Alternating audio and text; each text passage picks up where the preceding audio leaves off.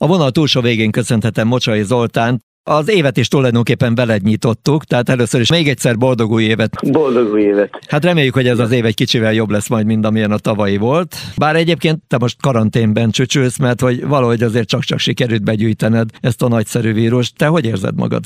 Így van, sajnos sikerült valahol begyűjteni. Viszonylag jól érzem magam, úgy tűnik, hogy egy kisebb ilyen náthaszerűséggel megúszom, de én azért mindenkit óva intenék attól, hogy felelőtlenül mozogjon maszk nélkül szórakozzon, mert azért ez bizony komoly dolog, és tud veszélyes is lenni, úgyhogy vigyázzunk magunkra.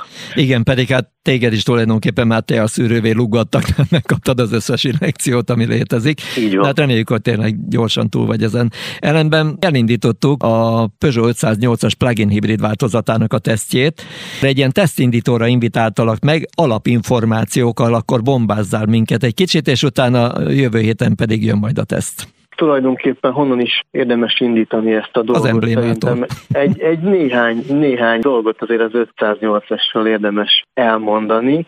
Ugye a Peugeot az tradicionálisan jelen van ebben a felső középkategóriában, és nagyon híres modelljei voltak itt, 404-es, 405-ös, 504-es, lehetne sorolni, és ugye a legutolsó modell vagy generáció a váltáskor, ugye most ötösnek hívják ezt a méretkategóriát, ugye régen volt 400-as széria, volt 600-as, ami egy még nagyobb autó volt, ezt a kettőt tulajdonképpen összevonták az 500-as szériába, és ugye ebből jön az 508-as modell, amelynek ez már a második generációja, és oda akartam kiukadni, hogy tulajdonképpen a jelen generáció bevezetésével, ami egy ilyen három-négy évvel ezelőtt indult, egy drasztikus váltás történt a Peugeot-nál.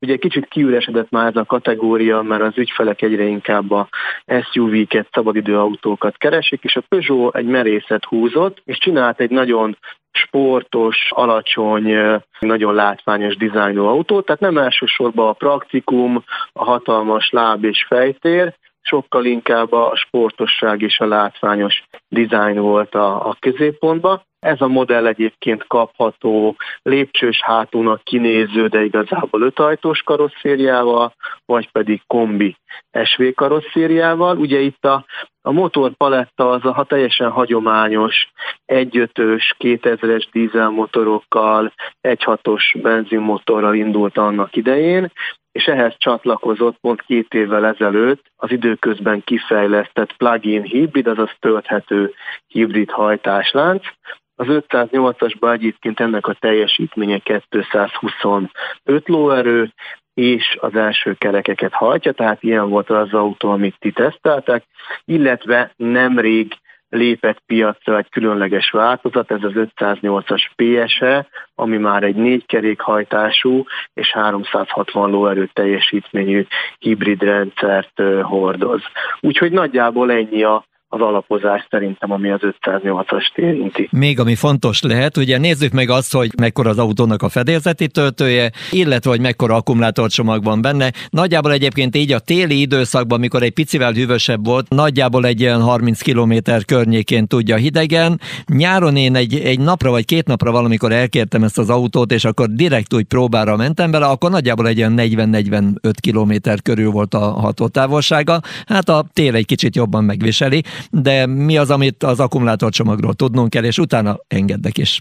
Igen, ennek az autónak az elektromos hatótávolsága az a hivatalos adat szerint 54 km tud lenni. Nyilvánvalóan ezt a sebesség vagy a hideg idő azért lefelé tudja befolyásolni. Fériában egyébként 3,7 kW-os töltőt kínál az autó, ami hétköznapi otthoni elektromos hálózat esetén 6,5 óra alatt feltölti az autót. Opcióban egyébként van egy 7,4 kW-os töltőberendezés, amivel még ennek is a felére csökkenthető a töltési idő. Egyébként maga az akkumulátor az 11,5 kW kapacitású, és a csomagtartó padlójában kapott helyet. Zoli, nagyon szépen köszönöm, hogy mindezt elmondtad nekünk. Egyébként azt még hozzáteszem, hogy sokat mentem már eddig is úgy vele, hogy nem tudtam tölteni. 4,5 literes átlaggal közlekedek vele, tehát nagyon jó az autó, energia háztartása, de hát ennyi volt egyelőre, úgyhogy neked jobbulást, és még egyszer boldog új évet. Szia!